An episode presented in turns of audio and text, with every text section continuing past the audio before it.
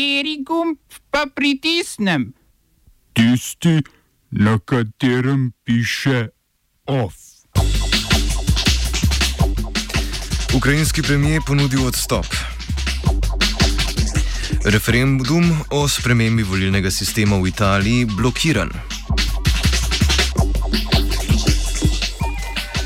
Traktori v Berlinu.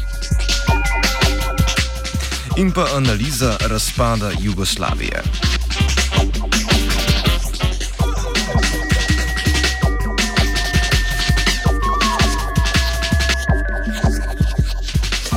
Dobar dan, ukrajinski premijer Oleksij Gončaruk, v katerem je po objavi posnetka, v katerem kritizira predsednika Volodomirja Zelenskega, ponudil odstop, istočasno pa ustraja, da posnetek ni pristen.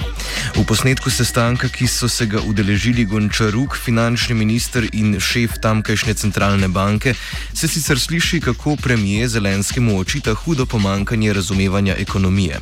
Odstop je Gončaruk najavil na Facebooku, kjer je v spravljivem in pokornem tonu zapisal, da je Zelenski zanj vzor vzor odprtosti in transparentnosti. Odstop naj bi tako ponudil zato, ker želi odpraviti dvom o zaupanju v predsednika, ki si po njegovem zasluži zvesto ekipo.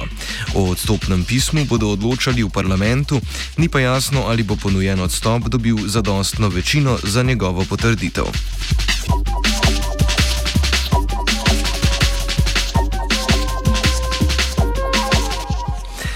Evropski komisar za trgovino Phil Hogan je v Washingtonu pozval k tesnejšemu sodelovanju med EU in Združenimi državami Amerike. Ameriško agresivno uporabo carin pa je označil za nerazumljiv pristop. Združene države se namreč pripravljajo na uvedbo novih kaznovalnih carin proti Evropski uniji zaradi subvencij letalskemu podjetju Airbus. Grozijo z višjimi uvoznimi carinami na dobrine, kot so sir, vino in letala, ter specifično z uvoznimi carinami na izdelke iz Francije, saj so francozi predlagali digitalni davek, ki bi prizadel ameriške tehnološke gigante. V primeru, da se bodo grožnje z visokimi carinami uresničile, bo Evropska unija morala izvesti povračilne ukrepe, je sporočil Hogan.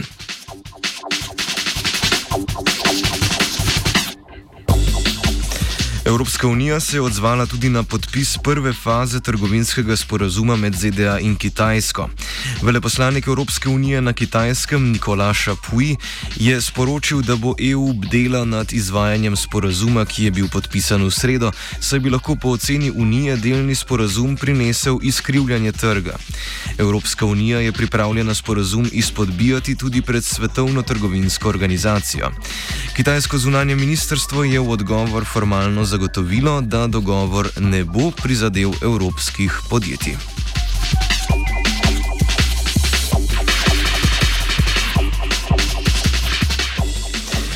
Italijansko ustavno sodišče je preprečilo izvedbo referenduma, na katerem bi se odločalo o zamenjavi mešanega volilnega sistema za večinskega.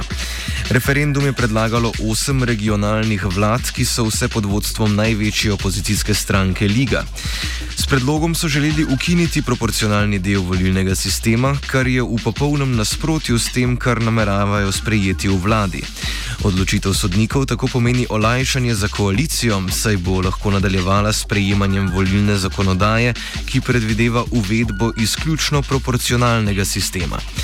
Kot pravi vlada, želijo s premembami zagotoviti bolj reprezentativen parlament in večjo stabilnost prihodnih vlad, čeprav sta na prvi pogled obe ideji nezdružljivi.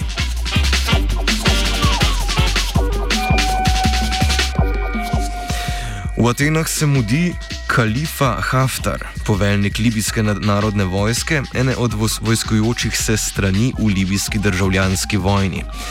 Potem, ko je druga stran, tako imenovana vlada narodne enotnosti iz Tripolija, podpisala niz ekonomskih in vojaških dogovorov s Turčijo, se grška vlada očitno čuti pozvano, da v konfliktu podpre drugo stran. Haftarja po Atenah sedaj čaka pot v Berlin na novo serijo mirovnih pogajanj.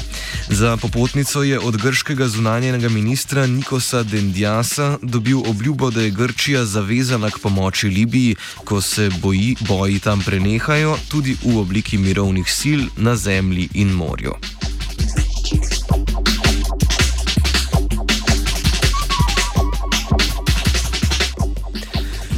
V Gambiji več tisoč ljudi protestira v podporo bivšemu predsedniku države Jaji Džameju, ki je bil leta 2016 prisiljen zapustiti državo, ko po izgubljenih volitvah ni želel prepustiti položaja zdajšnjemu predsedniku Edamu Berovu. Protestnike je na ulice pognal posnetek, na katerem bivši predsednik govori, da se bo vrnil.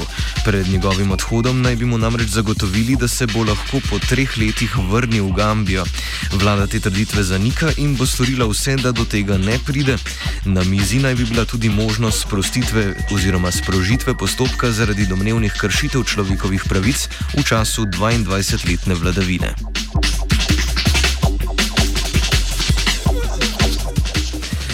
V centru Berlina so traktori. Pripeljali so jih kmeti, prišli so opozoriti na svoj nezavidljiv položaj. Zan krivijo Greto, predvsem pa vse strožjo zakonodajo povezano z okolju prijaznimi politikami.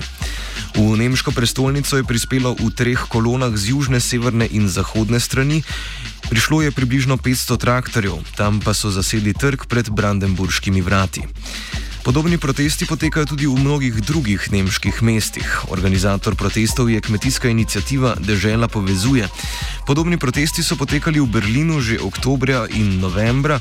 Nasprotniki protestov so že napovedali shod v soboto, kjer bodo na demonstracijah imenovanih Dovolj nam je zahtevali dodatno zaostritev regulacij v kmetijstvu.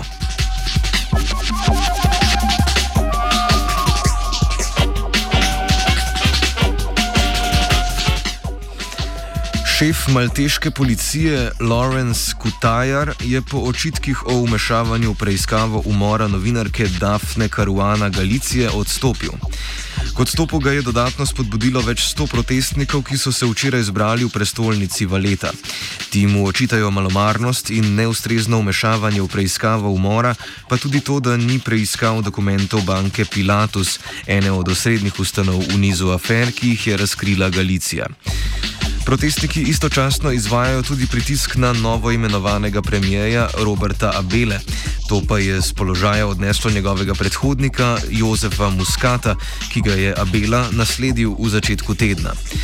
Pritisk na zdaj že bivšega premijeja se je okrepil, ko je malteško toživstvo konec novembra vložilo obtožnico zaradi sostorilstva v imenu umorjene novinarke proti poslovnežu Jorgenu Feneču. Predtem je omenjena preiskava z položaja odpihnila še vodjo njegovega kabineta Keitha Schembrija in ministra za turizem Konrada Mizija. Novega prvega človeka policije bo izbral premijer.